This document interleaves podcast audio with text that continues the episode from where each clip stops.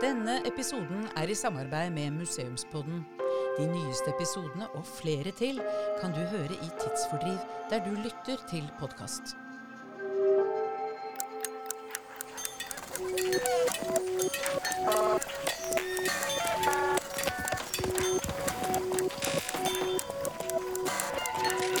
Siden dette er en historisk podkast, så går det an å nevne at altså, nå står vi midt oppi en historisk begivenhet. Historisk begivenhet. Alle mennesker har vel møtt kunst, men de har ikke sett det.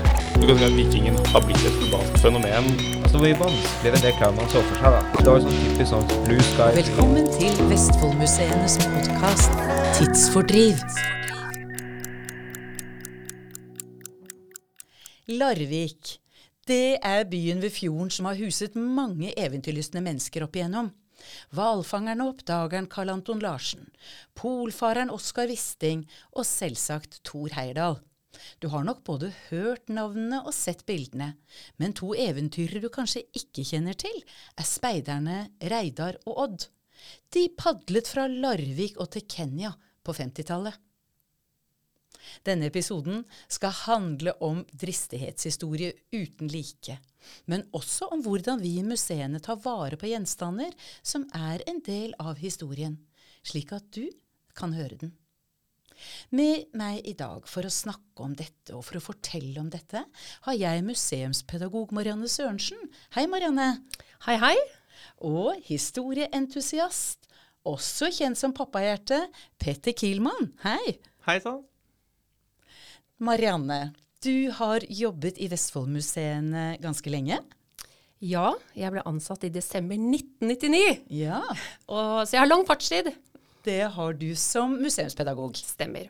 Og da er du god på å fortelle historier. Det liker jeg utrolig godt, og jeg syns det er helt fantastisk å være i museene og få eh, horder med elever på besøk, og barnehagebarn. Og Så- noen voksne, men flest elever har jeg hatt. Akkurat, ja, det ligger kanskje nettopp i det å være museumspedagog. Men du Peter, du er en kløppe på sosiale medier, du. Og vi er jo kjempeheldige som har deg her i dag, da. Ja, vet du hva, det er helt enig i. Dere er kjempeheldige. Men uh, jeg er her Takk for det. Jeg er her jo først og fremst egentlig som nysgjerrig far. For uh, hvis jeg kan hoppe litt grann fram i historien her, så uh, var jeg jo i sist sommer og besøkte Sjøfartsmuseet på Larvik museum og fikk sett denne kanoen. Og jeg har hørt om Wisting og Heyerdahl og alle det her, men kano fra Larvik til Afrika? Ja, Marianne, du må fortelle oss. Altså På Larvik sjøfartsmuseum, der har de utstilt denne kanoen som Peter snakker om, som da Reidar og Odd har padlet fra Norge til Øst-Afrika med. Hvem var disse kanogutta? Jo, det var to gutter fra Torsdag.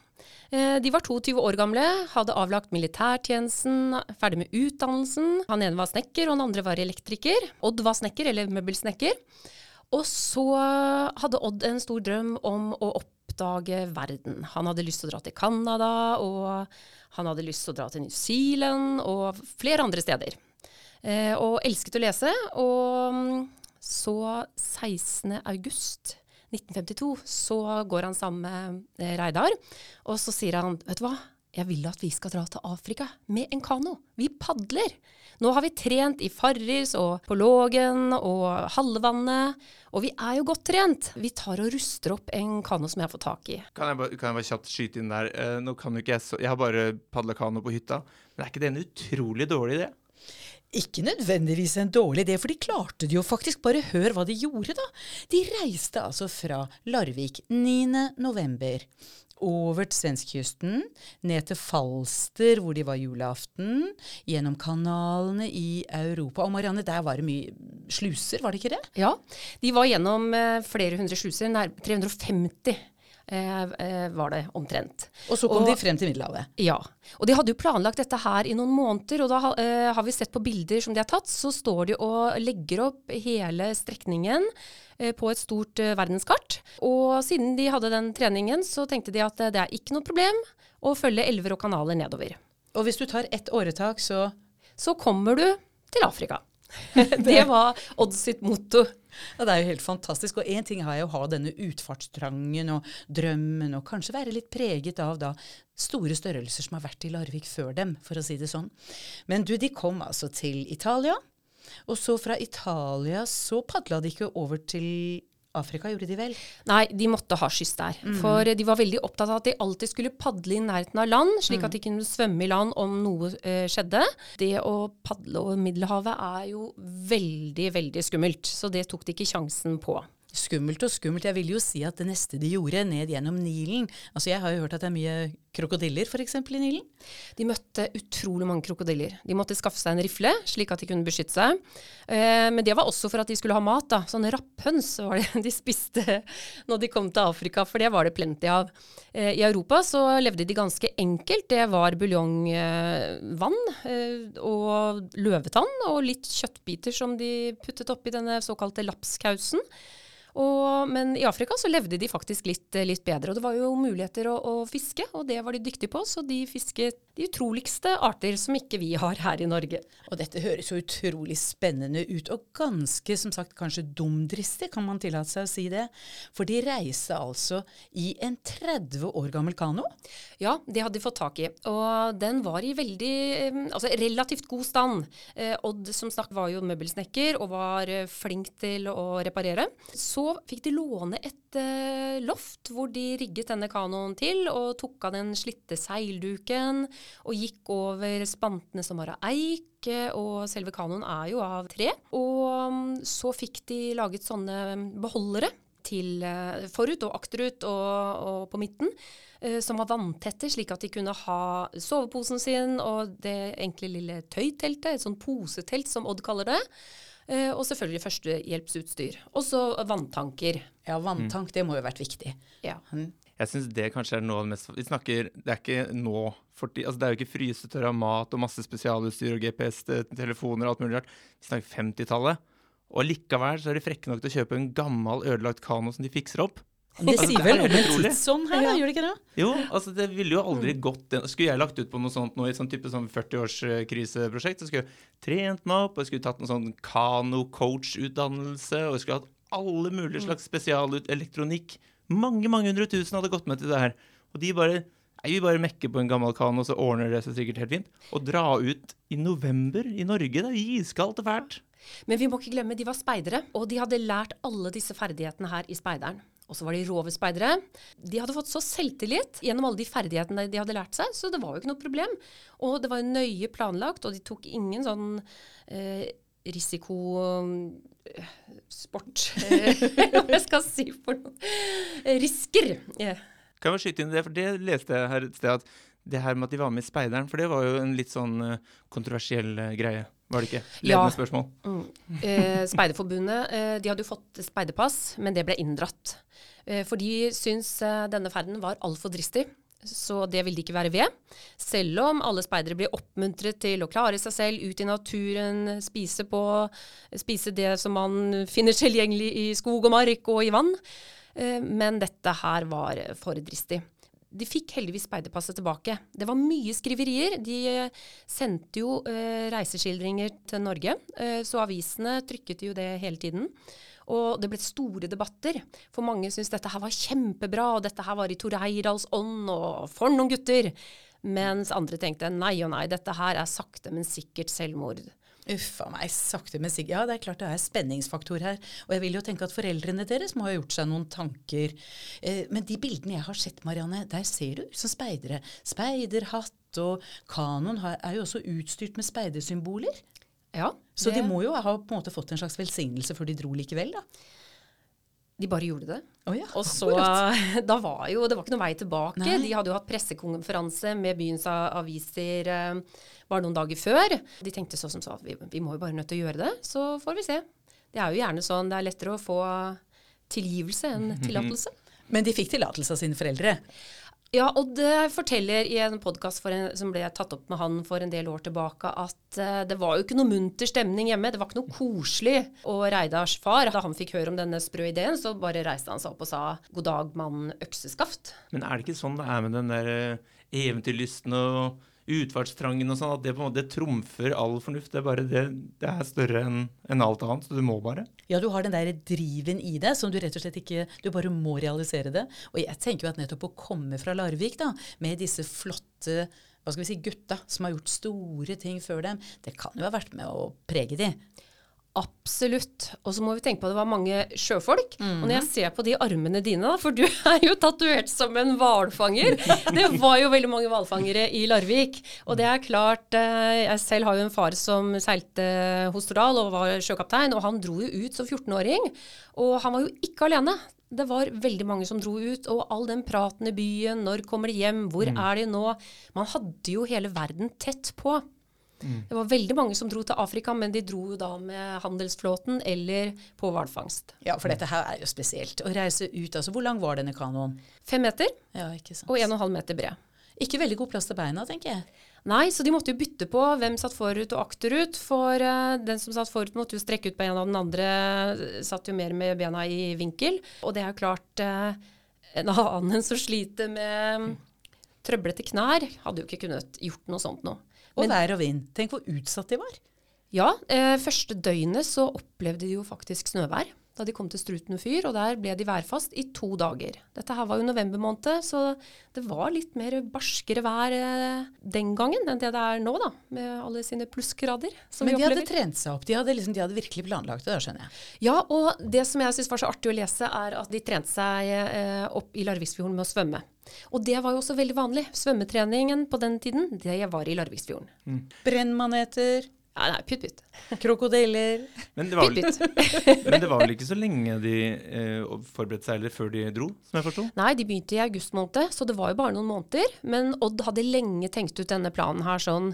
Det er helt, eh, helt klart. Og han var en belest mann og hadde den der inderlige drømmen. Jeg vil også ut i verden og oppleve den. Og det er klart, når han hadde fått den utdannelsen og eh, var snekker, møbelsnekker og Reidar som elektriker, så kunne de jo da hanskes med mye. De tok jo seg også jobb i eh, Afrika.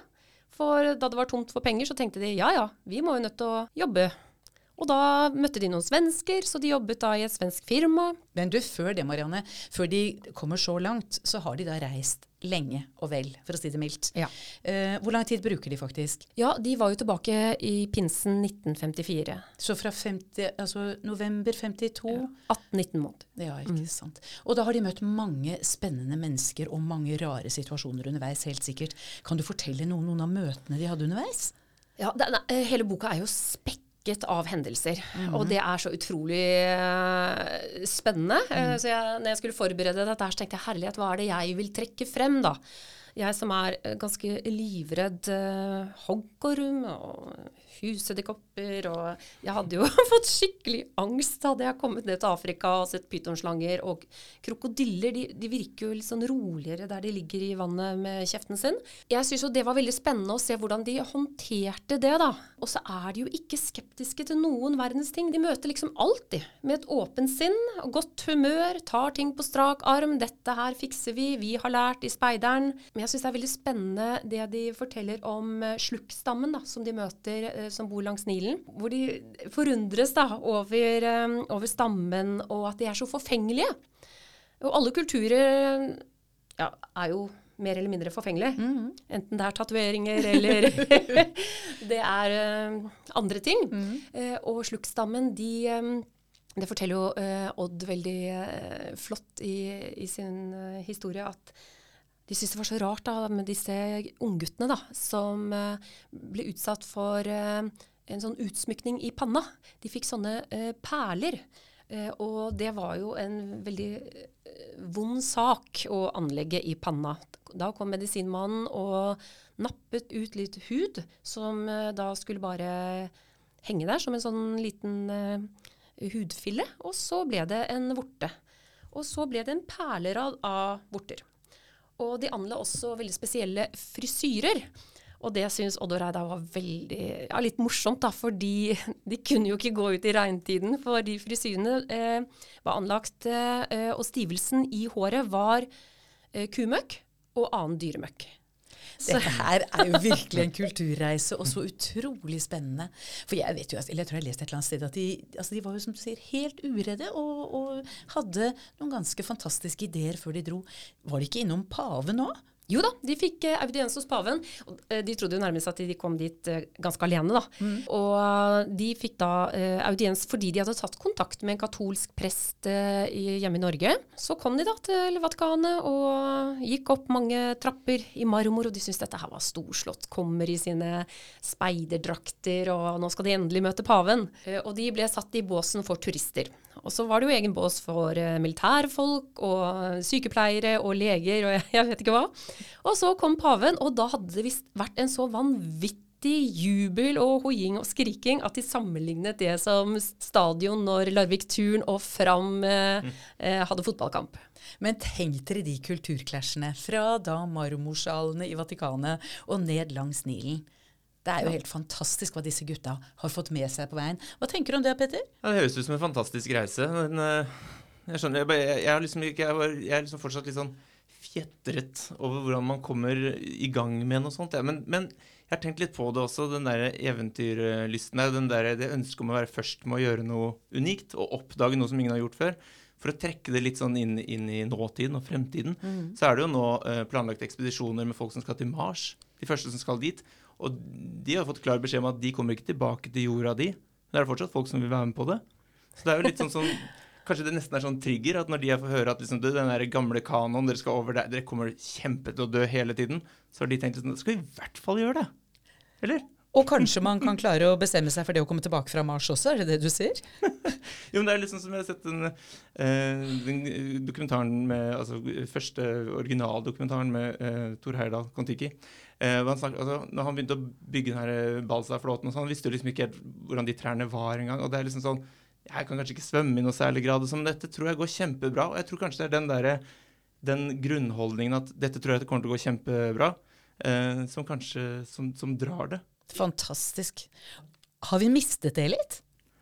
Jeg vet ikke helt, men det som jeg tenker, da, eh, både med Tor Heyerdahl og Oskar Wisting og, og Kanogutta, de var så ivrige på å lære av andre kulturer.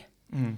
Kulturer som andre folk så på som primitive, som de ikke så på som primitive i det hele tatt. For de her var jo rågode til å, eh, å jakte slukkestammen. Og, og det er jo alle stammer som eh, bor i Afrika. Ja. Dette her å, med å lære av andre mennesker, uansett hvor i verden de bor. Veldig respekt. Ja. Og det bærer hele historien preg av. Ikke for å kaste en brannfakkel, altså, men enten så er det veldig mange av de her som har en veldig sånn sterk eventyr, eller så er det utrolig kjedelig å bo i Larvik. Siden alle skal. Eh, bor du i Larvik, så blir du veldig sprek. Fordi det er så mye eh, sjø og vann, og det er så bakkeby. Så, og når du er fysisk godt trent, så er det kjedelig å sitte på ræva, for å si det rett ut. Men du, alle kjenner vel alle i Larvik? Ja, det, det gjør de. Det er jo en liten by, og det har det alltid vært. Hvis jeg tenker nå, altså de blir inspirert av sånn den uh, Tor Heyerdahl-ånden og alt det der. Når Når vi sitter og prater om det her nå, så kjenner jo vi at vi blir litt inspirert også. Hadde det vært litt tak i oss, hadde vi funnet noe som ingen andre hadde gjort før, og så gjort det. Ikke sant? Altså gått baklengs opp uh, til Mount Everest i bare trusa, liksom. Feel free. Ja, jo, men du, men ja, det er en sånn kultur i en sånn by. Altså, sånn at I Larvik så lever den ånden veldig sterkt. Kanskje det er altså det som har drevet til at å, vi vil også være blant de der liksom, æresborgerne som gjør noe nytt og spennende, og drar liksom, heder tilbake til byen vår. Kan det være noe der? Ja, eller rett og slett lære av disse gutta, da. Eh, man har jo så mye å lære av Oskar Wisting, Tor Heyerdahl, Odd og Reidar, eh, og deres innstilling å ta det med seg i, i det daglige. Men dere tenker ikke også at disse guttene har vært veldig heldige, da? At de var veldig trygge? De hadde på en måte en slags sånn dum dristighet i seg som vi har vært inne på tidligere. Og jeg tenker at når de har reist ned der og kommet da som flotte, veltrente unge menn ned langs Nilen, eh, altså ble de vel mottatt overalt? Det var noen som var skeptiske, det er klart. Altså, det her er jo ikke så mange år etter krigen, eh, og Europa var jo preget av det. Og da, det var jo mange som trodde de var eh, ja, russere, spioner. Ja. Eh, De kom jo padlende der, og de visste jo ikke hva de hadde oppi den bitte lille kanoen sin. Men stort sett så møtte de trivelige folk, og den første julaften som de eh, hadde da, i 52, så ble de faktisk invitert hjem til en dansk mann. Han så de kom traskende langs veien, for de mistet et tog, og mm, så stopper han eh, dem, og så sier han eh, gutter, vil dere sitte eh, på til, til Nykjøping? Ja, det kan vi jo godt. Og så sier den danske mannen, men det er jo julaften, og hvor er det dere skal feire julaften da, og hvor er dere egentlig har tenkt dere hen? til Afrika, sa de da. Ja, men da går dere feil retning. men så sier, jeg, sier den danske mannen at vet du hva, jeg har ikke kjøpt noen julepresang til kona, jeg. Kan ikke dere bli med meg hjem, så er det presang nok. Så de fikk feire dansk jul, og da hadde de jo vært og hentet julepost eh, på postkontoret. Det rakk de akkurat. Så både brev og pakker la de under det danske juletreet og hadde det veldig, veldig hyggelig. Det er jo fantastisk, for da hadde de ikke vært borte så veldig lenge. For det er altså da bare fem-seks uker. Ja. Og avtalen var jo også at Larviksfolk kunne da eh, sende post til de ulike stedene. De hadde jo lagt frem reiseruta, så de kunne sende på post restante. Er det vel heter det sier jo ikke så mye nå. Nå går jo alt på mail. Ja, ikke sant. Eh, Så derfor fikk de tak i, i post, og, og de sendte også post- og reisebrev hjem. Og de sendte også til eh, Ukebladet nå. De hadde vel en fire artikler der. Å, ja. Så de ble jo kjent i hele landet, landet vårt. Så har det gått litt i glemmeboka. Det er derfor det er så veldig gøy og hyggelig å kunne snakke om Odd og Reidar fra Larvik. Bare, vi trenger et nytt navn på de. Altså, Vi kan ikke ha det sånn, sånn Tor Heyerdahl og så Wisting, altså sånne flotte navn som Odd og Reidar. Odd og Reidar. Ja, Det høres ut som en sånn type sånn uh, Melodi Grand Prix-innslag. Ja, Det er jo litt større enn det. Ja, det. det er det. Men det er, det er fantastisk. Det er en utrolig historie. Og så sier jo dette noe om hvor fint det er at museene tar vare på gjenstander, eller får gjenstander. For hvor kom egentlig, hvordan kom kanoen til museet, vet vi det? Den ble nok gitt til Larvik sjømannsforening. Mhm. Det er jo de som uh, eier mange av både de utstilte tingene og gjenstandene i, i museet. Det er klart at den har vært utstilt i mange år, og så måtte den konserveres. Og det er jo teltet Det ligger fortsatt på magasin. Den kanoen står jo på Sjøfartsmuseet i eh, Larvik. Og de som har muligheten, burde dra dit for å se den. fordi mitt første inntrykk er at den hadde ikke jeg eh, satt meg i indre fjord engang. For den er jo så lav. altså jeg mener, På hytta vår, en liten innsjø, så har vi en mye høyere altså hvis du på siden her, Selv om det er flottører og alt det greiene her. Så vi har aldri lagt ut på saltvann med noe sånt. Så den burde man dra og se, bare for å forstå hvor vanvittig prosjektet det faktisk var. Absolutt. Og så bør man eh, se på Filmavisen. For 4.12.1952 så viste Filmavisen gutta som padler da fra Larvik. Og da får man jo inntrykk av hvordan den lå da i, eh, i Larviksfjorden. Og da er de jo så strigla på håret, og de har så pent og godt smil, og de er, er jo noen flotte karer, da. Jeg må jo innrømme at jeg liker å se på bildene av dem. Så de føyer seg pent inn i Larvikshistorien av flotte Helt klart. Ja. Men du, Marianne, eh, tror du lytterne våre blir inspirert av sånne historier som dette? Det håper jeg. Jeg har jo bare fortalt bitte lite grann, og jeg anbefaler å lese boka. Den ligger digitalisert ute på nett. Den bør man ta seg tid til å lese hvis man har lyst til å høre mer om denne ferden, for den er så spekket av episoder. Og altså den lange reisen. Og de er altså borte i ca. halvannet år. Er de, er de ute og padler? Det ble 19 måneder. Ett åretak av gangen. Ja. Så- Da kommer man til Afrika. Det var Odd sitt motto. Du, Vil du på tur, Peter? Du, jeg bare tenkt på, jeg syns det er så fint den der med ett åretak av gangen. For jeg har tenkt noen ganger sånn Rart å tenke på at hvis du bare tar ett og ett skritt på en måte østover, så kommer du til Kina på et eller annet tidspunkt. Jeg ville aldri gjort det. Kanskje hvis jeg hadde vært sponsa av du vil jo det. Hvis du hadde gått sånn roverutdanning i Ja, jeg har ikke bodd lenge nok i Larvik. Du forresten, det her roverbegrepet er ikke jeg så godt kjent med. Det er en godt voksen speider. Godt voksen? ja, godt, eller ja. 22 år. ja, jo, da, er man, eh, da har man gått eh, speideren som, er, eh, som man gjør når man er barn. En roverspeider er ja, 16 til 25 år. Å ja. Mhm. Oh, så det er litt som en en anerkjent speider. En anerkjent speider. Det er jo en fantastisk drøm, da. Men du, Marianne, hadde du reist på noe sånt, eller? Ja, det kunne jeg virkelig ha tenkt meg. Livet er kort. Det er på tide at en dame gjør noe lignende. Og så det kunne jeg tenkt meg, altså. Virkelig. Ja, det er noen flotte damer som har vært på tur før deg, da. Ja ja, eh, men ikke fra Larvik, da. Bare se at De som hører på den podkasten, jeg vil jo ikke se dette her, men jeg og Ellen kan se når du sier det, så ser du at det, stråler ut av øynene dine. Har du, har du tenkt noen gang på hva du eventuelt kunne gjort? For dette er jo gjort nå. ikke sant? Larvik eh, kano til Afrika, det er gjort. Hva jeg kunne ha gjort? Ja. Jeg kunne, øh, ja, men jeg kunne godt tenkt meg å vært den dama som padlet i vei, da. Nå er jo jeg mye eldre enn det. Jeg kunne vært øh, mora deres, som vi sier i Larvik. Og så har jeg jo mm, gått i speideren i noen år, men jeg ble aldri rover, for jeg begynte med, med andre ting. Men det hadde vært utrolig, utrolig spennende. Men det er klart, øh, alt det der utstyret og det som må til, og altså må jeg jobbe litt med meg selv da, i forhold til de dyrene. Jeg lurer på om den, det der moderne utstyrsjaget om det på en måte hadde bare vært en hemming. Hvis du skulle gjort, hvis du f.eks. skulle tatt uh, returen, da, at du starter i Afrika og tar den tilbake til Larvik, så om du da måtte gjort det på den gamle måten. For hvis du skal begynne å ha alt det moderne utstyret, sånn, så blir man så utsatt for alt vær og vind. altså Plutselig så funker ikke elektronikken pga. det, og da er du helt ute. Om du bare skulle gjort det sånn der, den gode, gammeldagse stilen. Fått tak i noen speiderklær og bare dratt av gårde. Absolutt. Jeg må jo innrømme, i går så kjøpte jeg mitt første utstyr. Og jeg er jo ikke så veldig god på um, å lese bruksanvisninger og sånt, så jeg, jeg kan jo ikke håndtere en primus. Men så kom jeg over noe som heter kvistbrenner. En sånn liten sak. Og så tenkte jeg da kan jeg bare sanke litt kvist. Og så får jeg fyr. Og så får jeg kokt det vannet. Og jeg kan godt leve på buljongterninger. Og litt sånn grønt. I Men du, tilbake til de gutta da, som er ute sant, på vannet da, i, i halvannet år. Tenk deg fyrstikkene, da. Hvordan i all verden klarte de å koke opp ting? Det de eh, gjorde, var å vokse inn det meste. Så jeg eh, innbiller meg, jeg har jo ikke sett det, men eh, jeg tror de har noen type lommetørklær eller noe sånt og vokset det inn. Og så har de brukt det som innpakningspapir. Du verden. Men dere, det vi hører er at verden har beveget seg ganske langt videre i løpet av denne tida, fra da 52 og fram til her vi sitter nå. Så det å skulle reise på en ekspedisjon i dag, som du sier, er det å reise til Mars? Må vi det? Eller kan vi rett og slett bare reise en ekspedisjon veldig nært? For jeg vet jo, Marianne, at du tilbringer tida på ganske fjerne steder. Inne i skogen og på setra aleine. Så du er jo modig, da, på tross av huggormer og sånn. Hva er det du er redd for, Petter? Hva, eh, det kom veldig sånn bardust eh, på, kjenner jeg. Eh, Hva man er redd for Nei, altså hvis jeg skulle sagt noe da, så er jeg jo i, en sånn mild 40-årskrise. Så for å relatere det til dagens tema, så er man jo kanskje litt redd for å bli glemt. Altså sånn i historisk øyemed. Så jeg kan jo skjønne at å etterlate et, et fotavtrykk i historiebøkene må jo være fantastisk. Tusen takk, Peter og Marianne.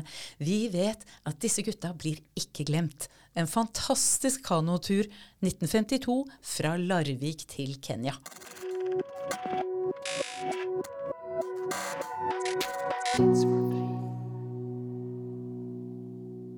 Etter denne herlige samtalen med formidler Marianne Sørensen og Petter Kielmann, er jeg nysgjerrig på å lære mer om selve kanoen. For som Petter sa, så burde man se kanoen med egne øyne. En ting er å lese om dimensjoner og materiale, men det er noe helt annet å se hvor grunn den kanoen faktisk er i levende live. For å vite mer om hvordan kanoen og andre gjenstander i museene blir tatt godt vare på, slik at vi kan se og oppleve herlige gamle ting med imponerende historier, har jeg tatt turen til Vestfoldmuseenes egen samlingsforvaltning. Der snakket jeg med møbelsnekker og konservator Annika Sander. Vi har vært og sett på den kanoen, Annika, og jeg lurer på hva, hva kan du fortelle om den? Nei, denne kanoen den er jo uh, laga av solide materialer. Det, hele formålet var jo å komme seg langt, ikke sant. Og så um, er den jo en kombi materialkombinasjon av uh, treverk og metall. Og så finnes det seilduk. Og så er den utvendig trukket med seilduk også. Og så klarer de å ta vare på den i Larvik i det miljøet der den står nå. Ja, for det er jo utstillinger. Da overvåker vi også klimalys, f.eks. Altså belysninger. Lys, ja. Ja, Hva gjør dere med det, da? vi har jo mulighet til å styre belysning i utstillingene. Og da velger vi jo lys som, eh, som er ikke skadelig. Da.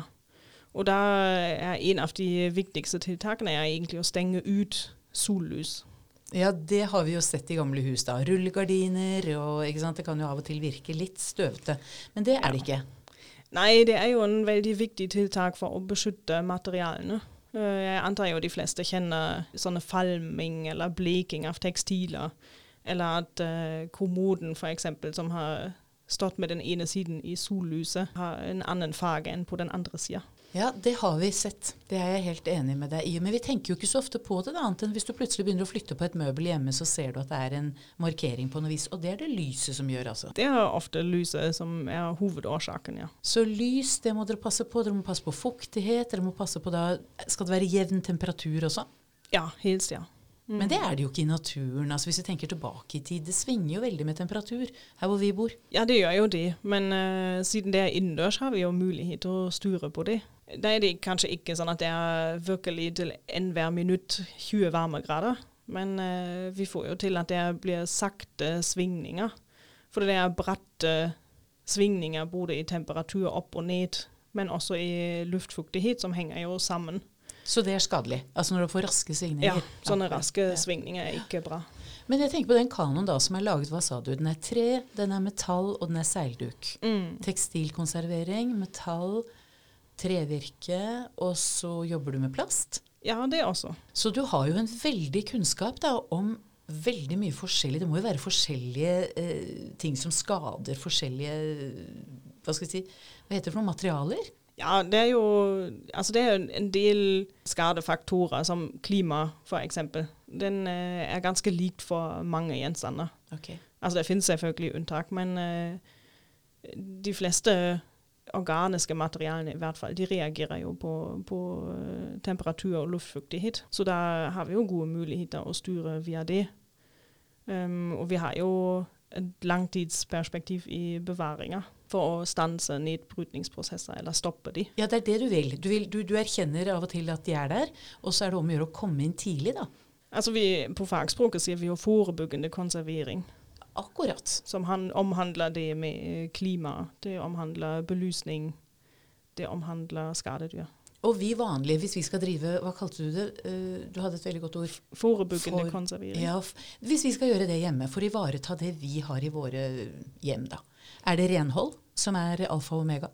Ja, absolutt. Renhold eh, kan jo forebygge ganske mye også, ja. Mm. For det er noe av det vi selv kan bidra til. Jeg mener miljø er jo tross alt her. Ja, og, men så er det jo gjerne i, i bebodde hus er jo klima også gjerne litt annerledes enn i utstillinger som ikke er bebodd, ikke sant. Så vi trenger jo ikke å ha det koselig varmt i, på 24 varmegrader i utstillingen. Nei, nettopp.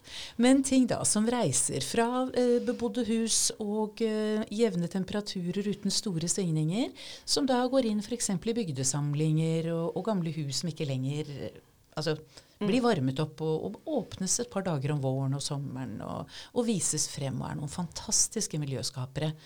Hvordan klarer dere å ivareta det? Vi styrer jo allikevel med klima, så vi prøver jo å opprettholde en, en mest jevn klima i, i disse husene også. Men flytter dere da ting ut og inn, da, slik at når man åpner arenaer og folk får lov å komme og se, så henter vi eh, gode ting fra magasinet og setter det ut for å skape miljøer? Det er jo en del gjenstander faktisk som blir flytta i sammenheng med sesongåpning og sesongslutt. Altså vi har jo noen tekstiler som gjerne kommer tilbake til magasin. For det er tryggere å oppbevare de her i løpet av vinteren enn eh, enn ute i husene. Nettopp. Men da har du et kjempeansvar, Annika, for å passe på alt dette vakre. Ja, det er jo det. Det er jo mange gjenstander som, eh, som trenger hjelp, eller som trenger god oppbevaring. Hender det at du får inn ting du ikke forstår? Hva mener du med det? Nei, altså at du, det er en, en, en prosess som har begynt som ikke du klarer å diagnostisere, eller du har ikke sett det før, eller, eller her er det noe nytt som har kommet til landet, hvis f.eks. det er en gjenstand som har reist langt av sted. Jo, men vi har jo forholdsvis lite etnografisk materiale. Det er jo materiale som kom fra Afrika gjerne tidligere, altså under kolonialtida og sånt. De er jo litt spesielt, men jeg tror de fleste nedbrytningsprosesser og skader kjenner man til. Altså, det aller meste må man jo si er jo bruksslitasje. Altså Gjenstander har jo hatt et liv før de kom til museet, ikke sant. Nettopp. Så da blir de jo brukt, og delvis brukt opp. Og derfor har vi jo ikke fra alle tider masse utvalg av gjenstandsmateriale. Nei, for noe er blitt borte i løpet av tida, rett og slett. Eller vi vet at det fantes også. Men, men det vi da har, det passer du veldig godt på, fordi du har metoder som hjelper deg til å, å sant? Hvordan skal du konservere dette? Mm. Og da er det metoder som har vært utviklet over tid. Det er de samme metodene som brukes over hele verden. Ja, det stort sett er det de samme metodene, men så kommer jo hele tida nyere forskning som viser at uh, kanskje det er bedre å gjøre det på en annen måte, eller kanskje særlig i aktiv konservering. altså hvis noe har blitt skada allerede, og jeg um, prøver å, å bevare det som fortsatt er der, og kanskje tilføye noe sånn at gjenstanden blir komplett igjen. Da finnes det mye forskning rundt, og da kommer også gjerne nye resultatet. At kanskje et annet materiale er bedre egnet. Eller. Så du må hele tiden holde deg oppdatert på den siste forskningen? Ja, det er nok en viktig del av jobben, ja. Ja, Så du holder kontakt med internasjonale miljøer. og Er det, er det et samarbeid museer imellom i Norge? Ja, det er det også, ja. Og så er det jo selvfølgelig en internasjonal ja, community på en måte av uh, konservatorer som uh, utgir tidsskrifter og nye artikler. Og det finnes jo seminarer og konferanser. Som sørger for at, at, vi gjør det på den best mulige måten til enhver tid. Ja. Så fint, Annika. Og takk for at du reiste da fra Tyskland og kom til Vestfold for å hjelpe oss med våre vakre ting som skal bevares for framtida. Tusen takk, Annika. Dette har vært fint. Ja, tusen takk for meg.